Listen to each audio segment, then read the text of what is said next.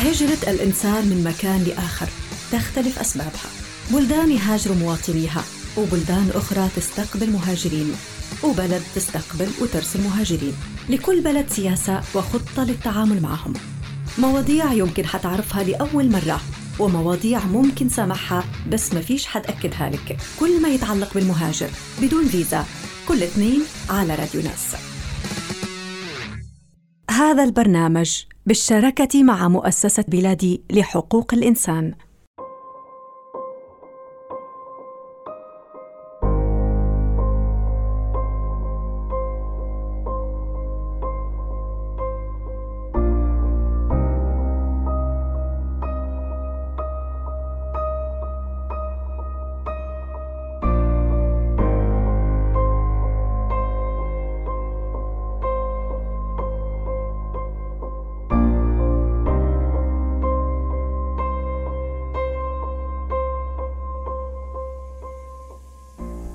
مساء الخير لكل من يستمع لنا عبر أثير راديو ناس 104.5 واللي راح نسمعه على منصات عديدة ومنها ناس كذلك البودكاست.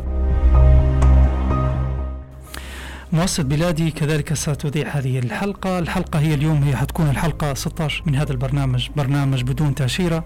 اللي دائما نحب نذكره بأهم الأهداف اللي قام عليه هذا البرنامج وبدون تأشيرة كان يتحدث على قضايا المهاجرين وطالبين اللجوء في ليبيا. تحدثنا في الحلقات السابقة على مواضيع المهاجرين ومن هم المهاجرين واللاجئين والفرق بين هؤلاء الناس وهل قضية الهجرة وطالبين اللجوء اقتصرت على غير الليبيين أم هناك ليبيين خرجوا كذلك من ليبيا بنفس الطرق وهي الطرق غير القانونية حلقاتنا الماضية أيضا تناولت كل من لهم علاقة بملف الهجرة غير النظامية في ليبيا سواء كان المنظمات الدولية أو المنظمات المحلية وكذلك الأجهزة الموجودة داخل الدولة الليبية. وركزنا بشكل أساسي سواء كان بالسلب أو الإيجاب دور هذه المنظمات الموجودة داخل ليبيا. تحدثنا على المنظمة الدولية للهجرة وكذلك تحدثنا على المفوضية السامية لشؤون اللاجئين في ليبيا. المفوضية اللي هي معنية بشكل أساسي على تسجيل وحماية هؤلاء الناس حصرهم وتعدادهم وحمايتهم بالدرجة الأولى داخل ليبيا ومن بعد توفير الممر الآمن لهم والخروج إلى بلد المستقر أو البلد الثالث اللي يبقوا فيه لفترة معينة حاولنا أيضا ننبه ونوضح دور المفوضية وأن المفوضية السامية عمرها ما كان دورها أن هي اللي تعطي الحماية واللجوء للناس، هي عبارة عن تقوم بالتسجيل وتوصل أصوات الناس وملفاتهم واوراقهم إلى الجهات والدول المعنية بهذا الملف. استضفنا في حلقاتنا الماضية العديد من الضيوف كانوا هؤلاء الضيوف من عديد الجنسيات المعنية بهم المفوضية سواء كان من الصومال أو من أريتريا ومن سوريا ومن عديد البلدان. بعد جائحة كورونا واللي حصل في ليبيا والضغوطات اللي حصلت سواء كان على المواطن الليبي نفسه وغير الليبي دائما نذكر بنقطة مهمة جدا. أن تخصصنا في هذه الحلقة ونتحدث على قضايا المهاجرين هذا لا يعني أن نحن أهملنا أو نبين أن المهاجر له أولوية من الليبي. نعم للوضع يعني على الجميع سواء كان الليبيين وغير الليبيين ولكن يظل هناك شريحة أضعف من الثانية. فلذلك نحن ركزنا على من هم أضعف من الليبيين أنفسهم. يعني نتحدث على عائلات وعلى ناس هم لا يملكون يعني أوراق داخل الدولة الليبية هم طالبين حماية وليبيا عبارة عن بلد عبور وينتقلوا إلى مكان آخر. فروا من النزاع من الحروب من بلدان فقدوا فيها كل شيء. ومع الأسف في ليبيا جربنا جزء كبير جدا من معاناتهم يعني لو تحدثنا على سوريا وتحدثنا على اليمن الواقع اللي موجود هناك لا يحتاج تفصيل ولا يحتاج مني إني أنا نذكركم إيش هو اللي حصل في في هذه البلدان وذكرنا أيضا ونذكر في في هذه الحلقة في بقضية حق الرد ودائما نقول أن حق الرد مكفول لكل من يرد اسمه سواء كان من المنظمات أو حتى من الأفراد.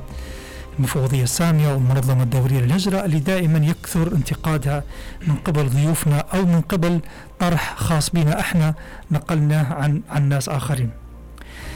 اليوم مش راح نطيل عليكم بالفترة المتاحة لنا ال 25 دقيقة اللي اللي سمح بها لنا راديو ناس راح نحب نعرفكم على ضيوف اثنين موجودين معنا الآن هم من. من المستفيدين والمسجلين لدى المفوضية السامية لشؤون اللاجئين. فروا وأتوا من بلدان يعني هانت النزاع والحروب. تحدثنا على سوريا ونتحدث على اليمن. نتحدث على أشخاص دخلوا إلى ليبيا من سنوات قديمة. ما دخلوا الآن من أشهر ومن سنة؟ دخلوا من سنوات قديمة ومن فترة طويلة دخلوا إلى ليبيا وكانوا ضمن الناس اللي سجلوا لدى مفوضية اللاجئين في ليبيا في مكاتبها في طرابلس. كان الأمل كبير جدا بالنسبة لهم إنهم هم وصلوا إلى جزء من من الهدف اللي كان يعني هم يسعون له هدف الحماية وإنهم مجرد التسجيل في هذه المفوضيه اذا هم يعني وصلوا إلى جهة راح تكون أمينة على على على على على قضاياهم وراح تتابعهم وراح تكون حريصة على توفير الحماية لهم بقدر المستطاع. آه مباشرة حنبدأ معكم بالتعريف بضيوفي اللي موجودين معنا الآن في الاستديو. واللي طبعا لأول مرة يشاركوا معنا في في البرنامج. وإن كان هم متابعين من فترة طويلة ونحن سواء كان على مستوى شخصي أو على مستوى إدارة الراديو ناس وكذلك منصه بلادي حريصين على متابعتهم ومعرفة أخبارهم. هم دائما يتواصلوا معنا يخبرونا على كل ما يحصل معهم في قضية متابعة المفوضية اللاجئين إلى ملفهم في ليبيا. آه، ضيفنا طبعا حيكون ياسين من سوريا. آه، ياسين كذلك خليل شمسان من اليمن. خليل طبعا آه، كان من القلائل الموجودين في ليبيا ونحب ننوه أن عدد اللاجئين أو الأخوان من اليمن هو لا يتجاوز 50 شخص فقط على مستوى ليبيا يعني الموجودين داخل ليبيا الآن وخليل من ضمن هؤلاء الناس اللي دخل إلى ليبيا منذ سنوات طويلة ومسجل لدى مفوضية اللاجئين ولا زال لغاية الآن ينتظر آه، في رد مفوضية اللاجئين. آه، ياسين نحب نبدأ بك ياسين آه، نعرف قضية دخولكم إلى ليبيا من بعد 2011 بعد الثورة في ليبيا والثورة في سوريا وكيف سماح السلطات الليبية في ذاك الوقت أساسا بدخول السوريين بحكم أنهم من بلد نزاع وحرب فدخولكم اغلبه كان عبر المنافذ البرية نعم. وكان نعم. دخولكم شرعي نعم. إلى ليبيا ومن بعد من بعد حوالي سنتين أعتقد انه بدأ مراكز الاحتجاز وكذا آه، وجهاز الهجرة بدأ في اعتقال السوريين بحكم أنه هو يرى أن دخولك من غير أوراق ثبوتية وهنا مشكلة ثانية تحدثنا فيها فيما سبق في قضية التشريعات وقضية اللوائح القوانين الموجودة في ليبيا نعم. أنا يهمني آه، بس باختصار أنك أنت آه، دخولك لليبيا وكيف وصلت إلى أبواب مفوضية اللاجئين بالنسبة لي أنا كسوري موجود لما كانت سامحتنا الدولة الليبية بالدخول عن طريق المجلس الانتقالي طبعا إحنا. دخلنا عن طريق المنافذ البرية نعم. من خلال دخولنا كان شرعي. يعني صحيح. نظامي كان مسموح لنا ان إحنا دخول. يعني فيما سبق نحن كنا ناس نعمل وكان دخولنا شرعي. صحيح. يعني ما فيش إشكال. مجرد اني قبلت على الحدود الليبية كان المفروض إنه نثبت الألف دولار لكن نحن لما بعد ما طاح النظام ما عاد في كان هذا الإشكال. مجرد وصلت على الحدود الليبية. تقريبا قعدنا ست ساعات بعدين ختموا لنا جوازاتنا ودخلنا ليبيا نظامي. نعم. ما كانش في أي إشكال. بالرغم من هذا بعدين في الطريق يعني خلال ثلاثة أيام أو أربع أيام بحسب طول الطريق يعني ما كانش في أي إشكال. كان في بوابات لكن مجرد تدقيق أمني طبيعي يعني جدا. طبيعي. وما كانش في إشكال بالعكس كانوا كويسين وتعاملهم كان في ترحيب نعم كان راقي جدا. ووقتها نحن في يعني ما حسينا نفسنا إلا بين إخواننا وأصحابنا. ما كانش في هالشيء هذا قصدي المتعب. يعني شيء متعب مثل اليوم هذا بالضبط. بعد تالي الأيام مرق سنتين وبدت آه، جهاز الهجرة يخدم. هنا كان أول احتجاز لي يعني. طبعا احتجاز قصري بسبب بغير سبب بأنه خلص مجرد بأنه اني صفتي سوري أيوة ولا تمتلك اوراق مثلا لا نمتلك الأوراق وهي طايحه الصلاحية طبعا. بالضبط نحن إنه هي أكيد إحنا كاسم مستحيل تطيح صلاحيته لكن كتاريخ يطيح لأنه الأيام تركض ركض مباشرة. صحيح نعم. نحن ما عندنا أي مجال وين نمشي نجدد الأوراق. في كل تجديد التاريخ في أي مكان يدير لنا مشاكل فاضطرينا نقعد على حالنا. بالضبط إنه ما ندير أي شيء جديد. أول تعرف لنا بالمفوضية كان بالسجن. نعم الموظفين المفوضية هم منظار كم داخل مركز الاحتجاز إيه أنا استيقافي كان بالطريق بإني أنا كنت نقود سيارة. هذا أول استيقاف لي. نعم. استوقفوني هيك جماعة. علم إنه كان في قبل هذا الشيء بال 2011 2012 2013 بوابات عادي طبيعي ندخل عليها سوريين يشوفوا أوراقنا يشوف جوازاتنا ونمشي. لكن بال 2014 ما عاد يمشي شيء. حتى لو كنت معك الإقامة صارت في صفة ثانية بأنه هذه مزورة وهذه مش مزورة هذه مش معمولة هذه مش ما لهاش اسم. هذا الإشكال في فهذا الإشكال خلانا لما بدأ جهاز الهجرة يخدم. وأول بداياتها طبعا أنا كنت من مدشنين هذا الجهاز. دخلت الهجرة وكنت موجود في سجن بوسليم دخلت هيك ما بالضبط ما نعرف شنو هو السبب. يعني أول مرة نعرف الهجرة ونعرف قصدي المكان اللي نحجز فيه. طبعا. ما كانش في توضيح لسبب وجودك ابدا إحنا عندما دخلونا نعم. طبعا في الليل عندما نزلونا من البوكس كان في أحد الأشخاص الموجودين. نعم. كان تعاملهم كويس. يعني هذه في البداية نزلونا وقالوا لنا أنتم السوريين كنا نحن أربع أشخاص طبعا. أنتم السوريين ما عندنا ما ندير لكم شيء نهائيا يعني ما بنقدر نعمل لكم شيء. أنتم ما عليكم شيء بالأساس. لكن تو لو أطلقناكم يرجعوا يشدوكم بالطريق ويرجعوا لكم راح يرجعوكم لعندنا. فخلص أنتم بتقعدوا عندنا لبكرة. طبعا قعدنا لبكرة قعدنا أسبوع. لأن إجت المنظمة الدولية. منظمة أطباء بلا حدود كانت جايبة للاجئين اللي موجودين طبعا. هو هنجر كبير ما فيهوش أي شيء صحي نهائيا. هنجر كبير وفرشات مستعملة وفراشات لا في غسيل يعني مثل ما بقولوا إنه يكون صحي بالنظر ما هو صحي نهائيا آه لأنه متعدد الاستخدام استخدموها قبلك عدد نعم كبير كثير. وهو أصلا العدد كبير هنجر صحيح. كبير يعني. هو هنجر مفروض يكون للتخزين يعني أثاث مش مش مش لبشر يعني. نحن صحيح. كبشر إنه مستحيل حد يقدر يقعد بهيك شيء. يعني شيء لا فيه أي شيء لكن مضطر إنك تتأقلم لأنه أنت مغلب على أمرك. بالضبط. بعدها قامت بتسجيلكم دخلت المنظمة وزعت علينا أغراض وسألتنا أنتم شنو السبب إنه أنتم موجودين أنتم الاربعه السوريين اللي موجودين هنا. علما إنه أنتم مش محسوبين عن الهجرة. فهنا إحنا كان تعرفنا على المفوضية حكينا لها بأنه نحن ما إحنا عاملين شيء بالضبط. يعني من 2014 وانت عندك علاقة في المفوضية ونحن اليوم نتكلم على 2020 آه، نعم من 2014 رح نحكي رح نحكي آه، آه، ياسين على على قضية كيف صار بعد في في المفوضية وهل وهل الوعود اللي أطلقتها المفوضية تحقق منها شيء؟ نحاول اننا أول شيء نرحبوا بخليل أخونا خليل من اليمن. خليل آه، مسجل طبعا لدى المفوضية السامي لشؤون اللاجئين وتعيش في مدينة طرابلس منذ سنوات وحسب فهمت منك إنك عايش في أحد أحياء طرابلس وغالبية أصدقائك حتى من الشباب الليبيين وعايش في وسط حي يعني وحارة زي ما أنت تحب تقول عليها. خليل آه، حاب إنك أنت تحكي لنا أيضا نفس كيف وصلت إلى مفوضية اللاجئين وكيف كان تعاملها معك لغاية هذا الان يعني لغاية هذه اللحظة يعني. أولا السلام عليكم ورحمة الله وبركاته. نعم. طبعا أنا مسجل المفوضية من 2015 تقريبا. 2015 2015 آه طبعا هم لما سجلت معاهم أول مرة استقبلونا وسجلونا وبعدين قالوا تعالوا بعد أسبوع أو تقريبا أسبوعين هيك مشان نعطيكم الأوراق. نعم. آه وأعطونا الأوراق. وبعد ما أعطونا الأوراق هذه فأصبحنا يعني زي ما تقول منتظرين على شيء إنه هم يشوفون الرأي بعد الأوراق هذا. فأظن إنه بعدها تركونا يعني ما اهتموش فينا ولا جابونا يعني مساعدات ولا شافونا أي حل ولا ولا في أي كلام يعني فهمت كيف؟ فبصف إنهم حطونا في مكان مجهول المفوضية يعني. تعتبر نفسك في مكان مجهول. ما فيش حتى اتصال ولا تعرف شو صار فيك ولا شيء.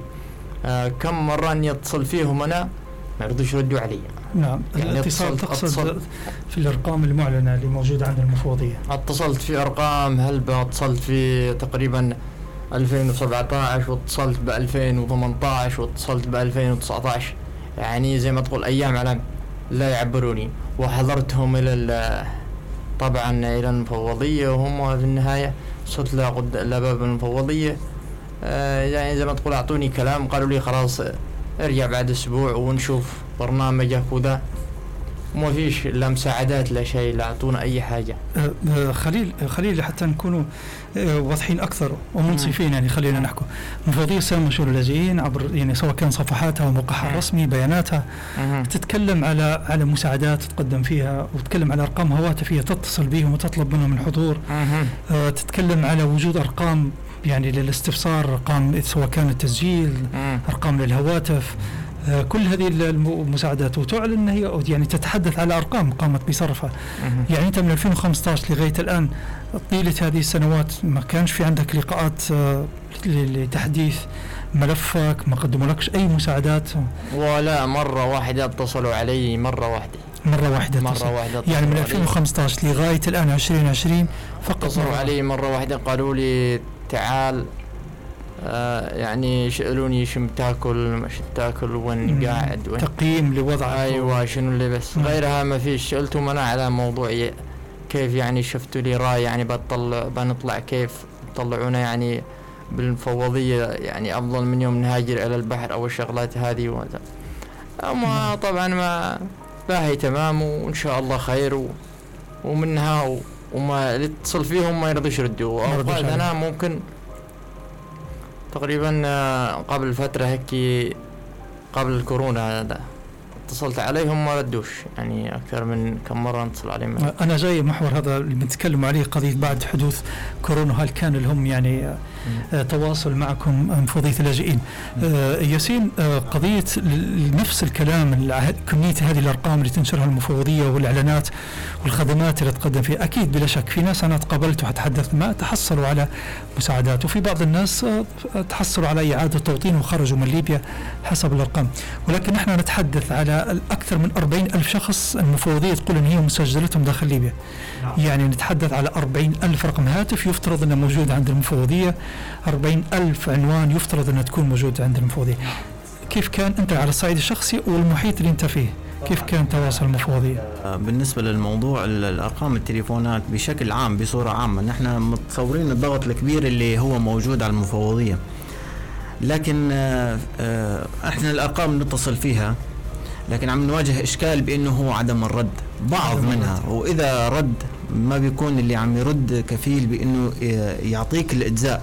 مثلا لو طلبوا على سبيل المثال مثل يومنا هذا نعم. مفترض تتصل بالخط الساخن. يحولك للرقم هو الخط الساخن بيحولك للرقم اللي أنت عم تطلبه. مثلا لو هو على سبيل المثال إعادة توطين أو إخلاء مثلا حماية حماية اضطراريه هنا التليفون بيقعد يرن لحد آخر شيء بيفصل. وإذا رد عليك شخص بيعطيك رقم تليفون تحكي معاه بأنه هذا موضوعك عند الشخص هذا عند نعم. الرقم التليفون هذا. ممكن يطلع لك آه، ما يرد عليك أو مغلق. فأنا جاوب معي الخط الساخن وتكلمت مع شخص لكن ما وصلتش للحاجة اللي أنا بدي أحكيها. على سبيل المثال أنا بدي أضيف معلومات بكون إحنا بالكورونا المفروض يكون عندي التليفون 24 24 يخدم. هاي من الأساسيات. عندي حالات طارئة المفروض إني أخبر فيها مثلا. عندي حالة طارئة. كان وقتها الحرب. طبعا الحرب من أربعة أربعة. هذه كانت أكبر مشاكل عندنا إخلاء إنساني. ما فيش الهلال الأحمر ما بردش علينا. نتصل على المفوضية. ما كذلك الأمر. كذلك الأمر. الناس قاعدة بالشارع. لما ناخذهم باتجاه المفوضية يقول يفتح إيديه ويقول لي أنا ما بنقدر ندير لك شيء. الوضع على الكل. نحن متصورين إن الوضع على الكل. لكن صفى عائلات في الشارع إحنا إشكال. يعني ما فيش تجاوب. بالنسبة للسلة الغذائية أنا استلمت في رمضان سلة غذائية نعم.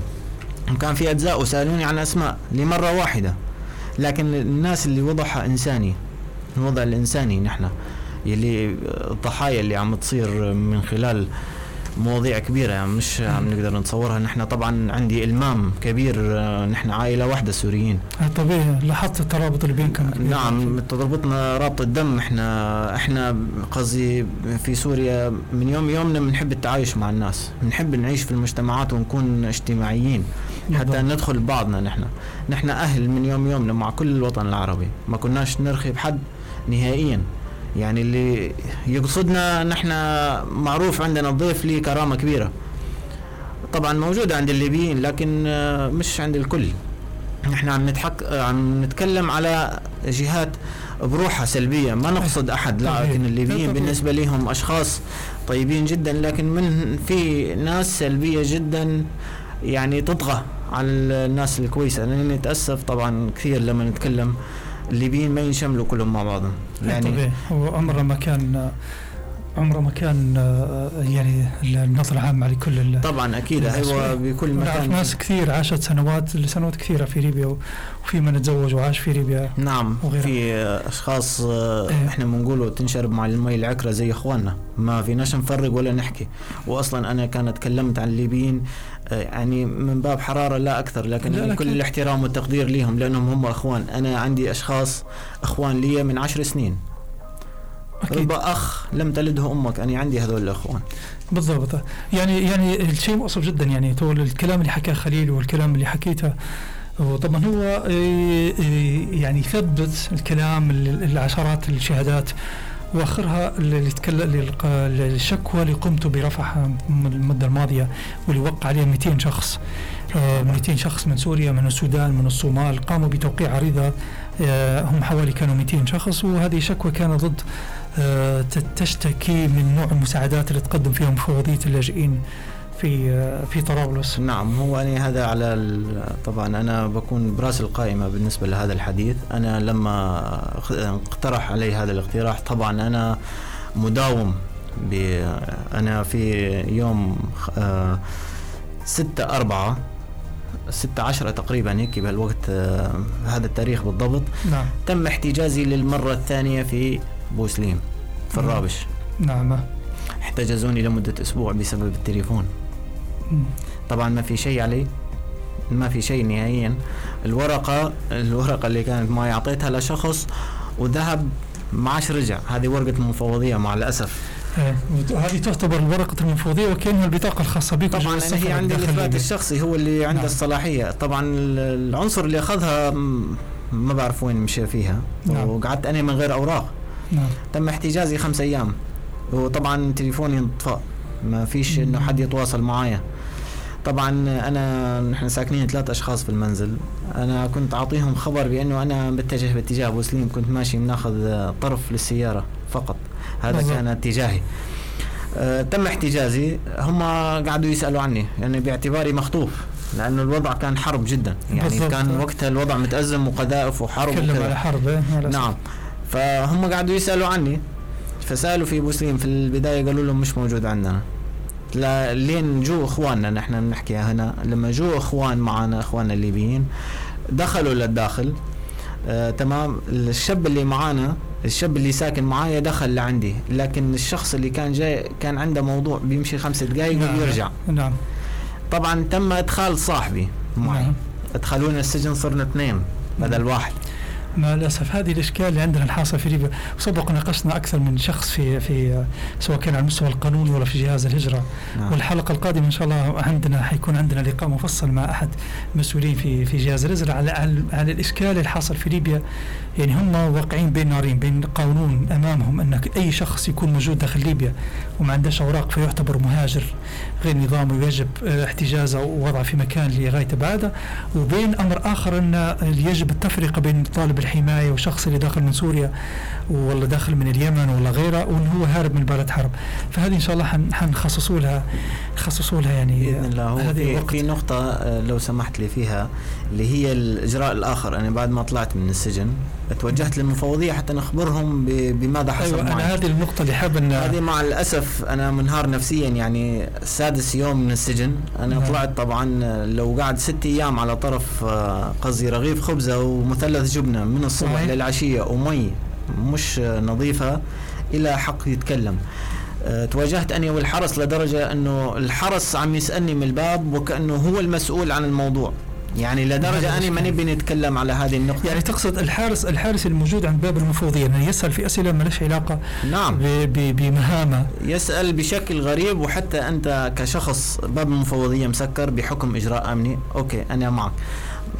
نضرب على الباب ما حداش بيرد. لين أنت بتقول مرات مش سامعين يعني بنية طيبة. لما بتضرب بشكل أكبر بيجيك معصب. يجيك معصب لدرجة إنه ممكن يبي يضربك.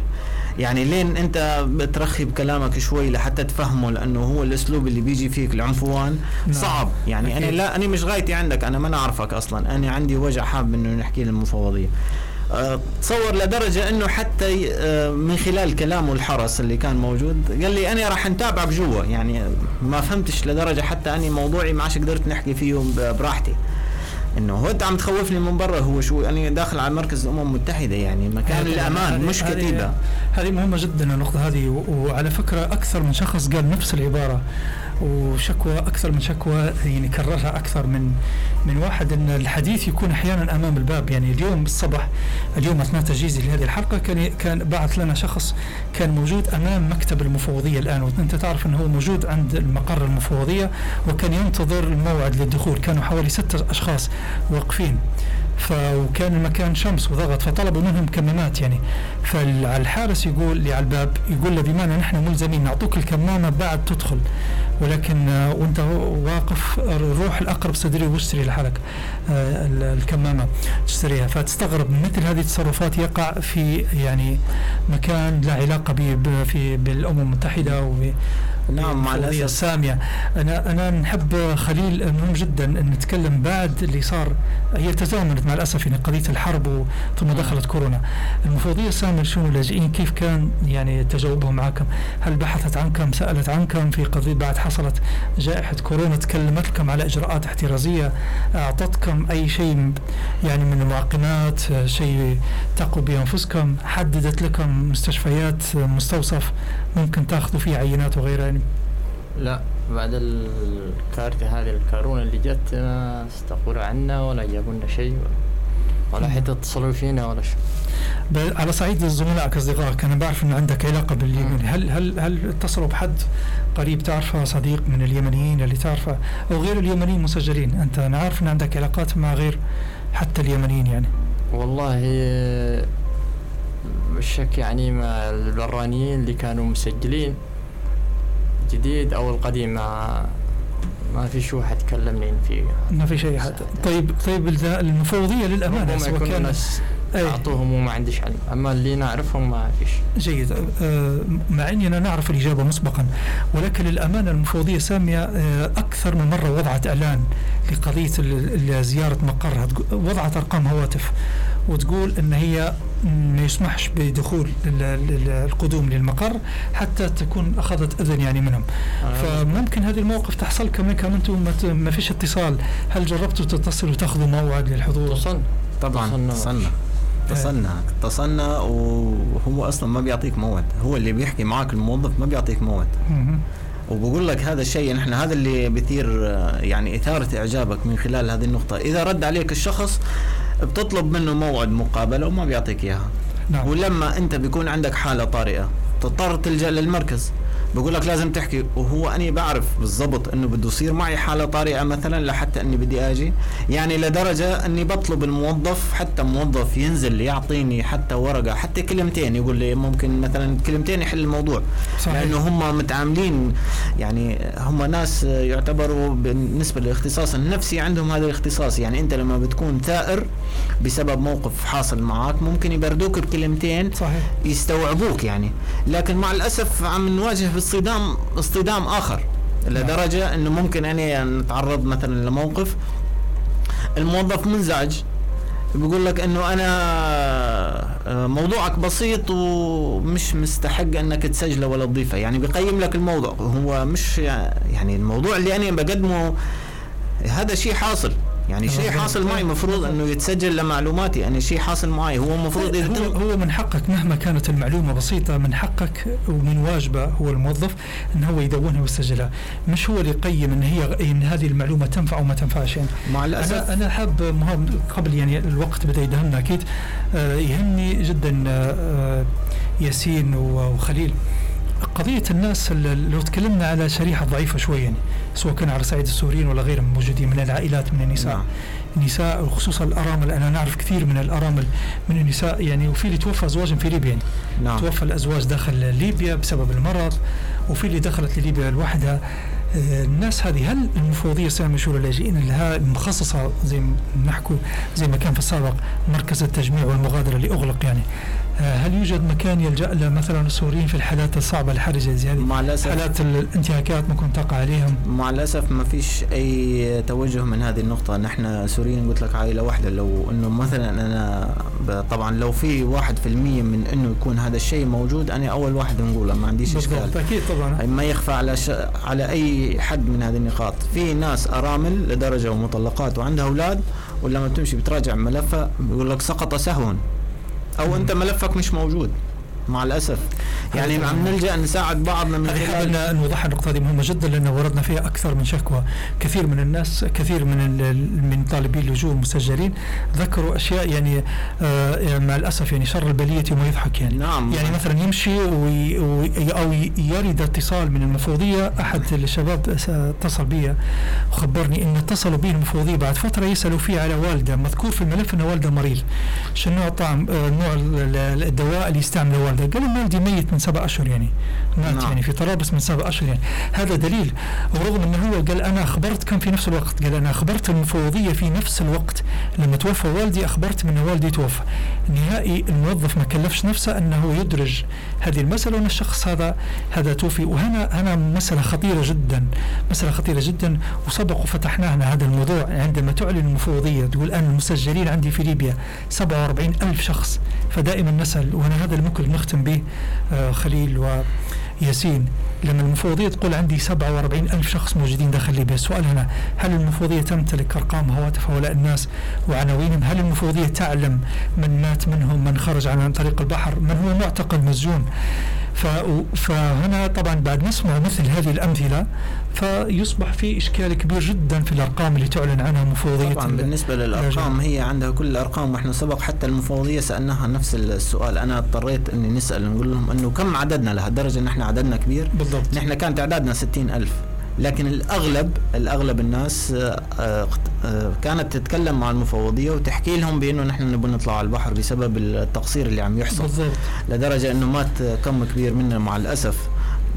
نعاني من هذه النقطة كثير لأنه إحنا صرنا عم بدل ما المفوضية هي تساعدنا صرنا نحن نلم بعضنا ونعمل مساعدات لنفسنا للأرامل اللي ملفها سقط سهوا ما عندهاش أجار بيت. عم نحاول نساعد نساعد يعني لو نسبيا لأنه نحن الناس مش متحملة بس لكن نحن مثل ما بقولوا حمل الجماعة ريش نحن هذه النقاط الرئيسية عم نحاول نلم بعضنا.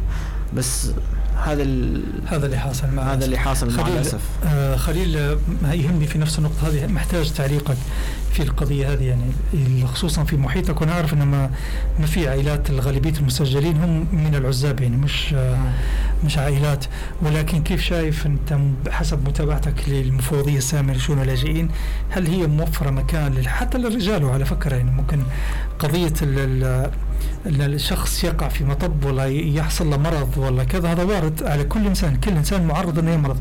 كل إنسان معرض أنه يكون محتاج لحماية خاصة. هل شايف أن مفوضية اللاجئين أدت الدور اللي عليها ولو نسبيا؟ لا.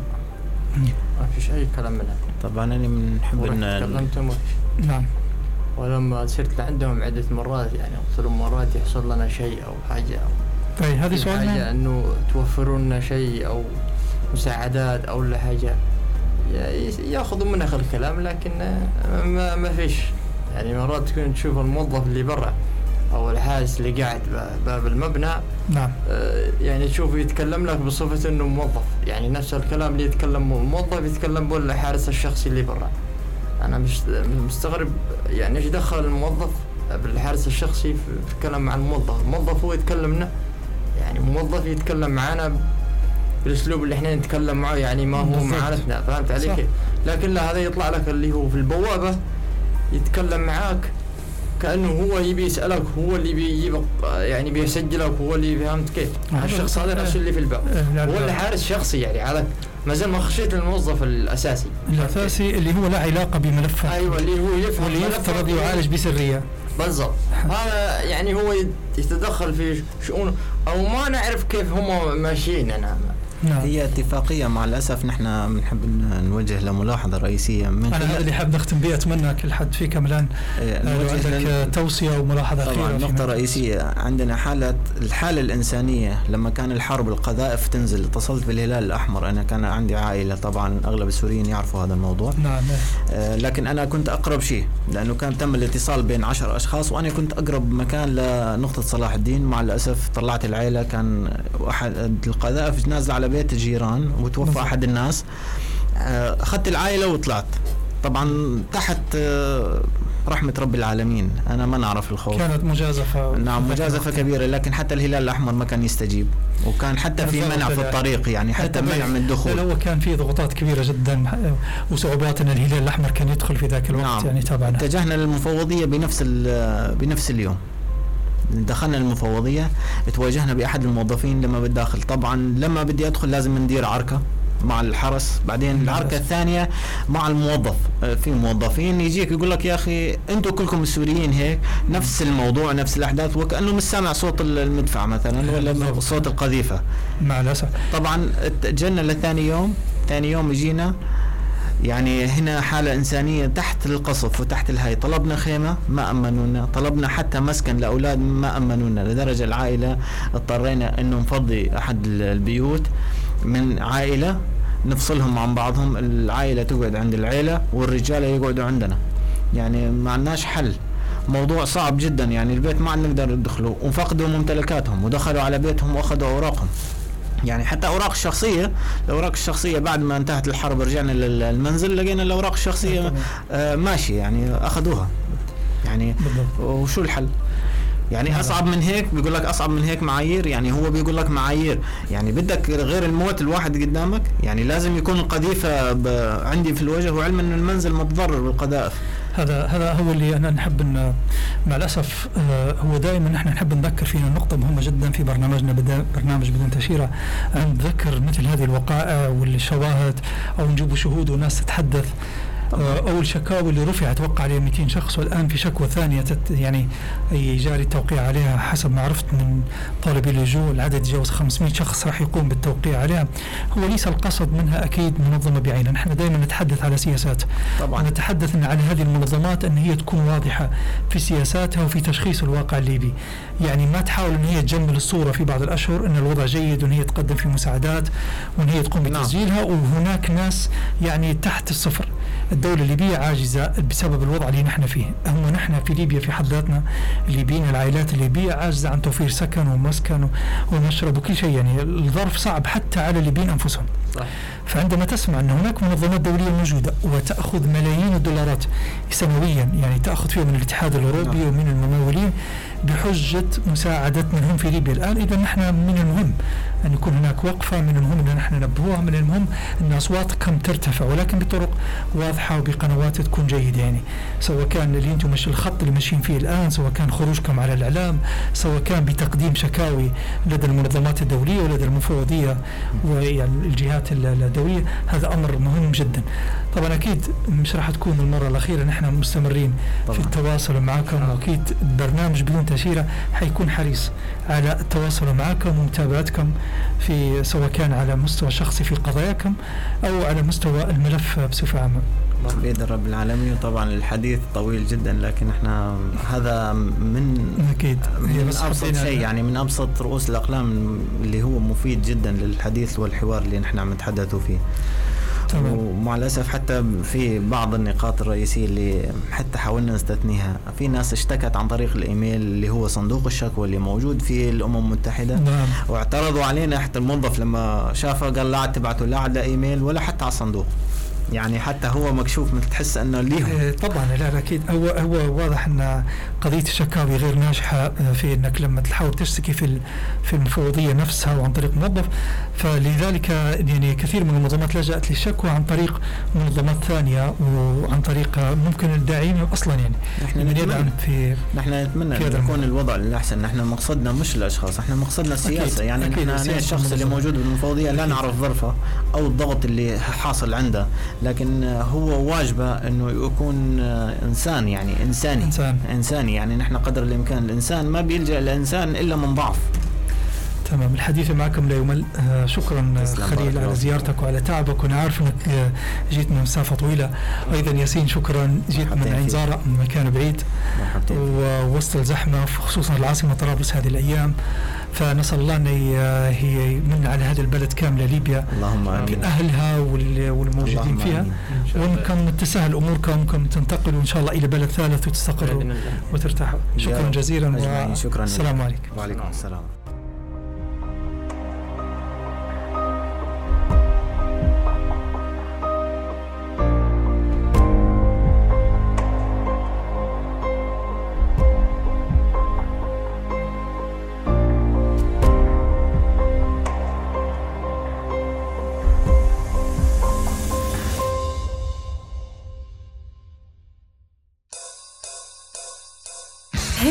الإنسان من مكان لآخر تختلف أسبابها.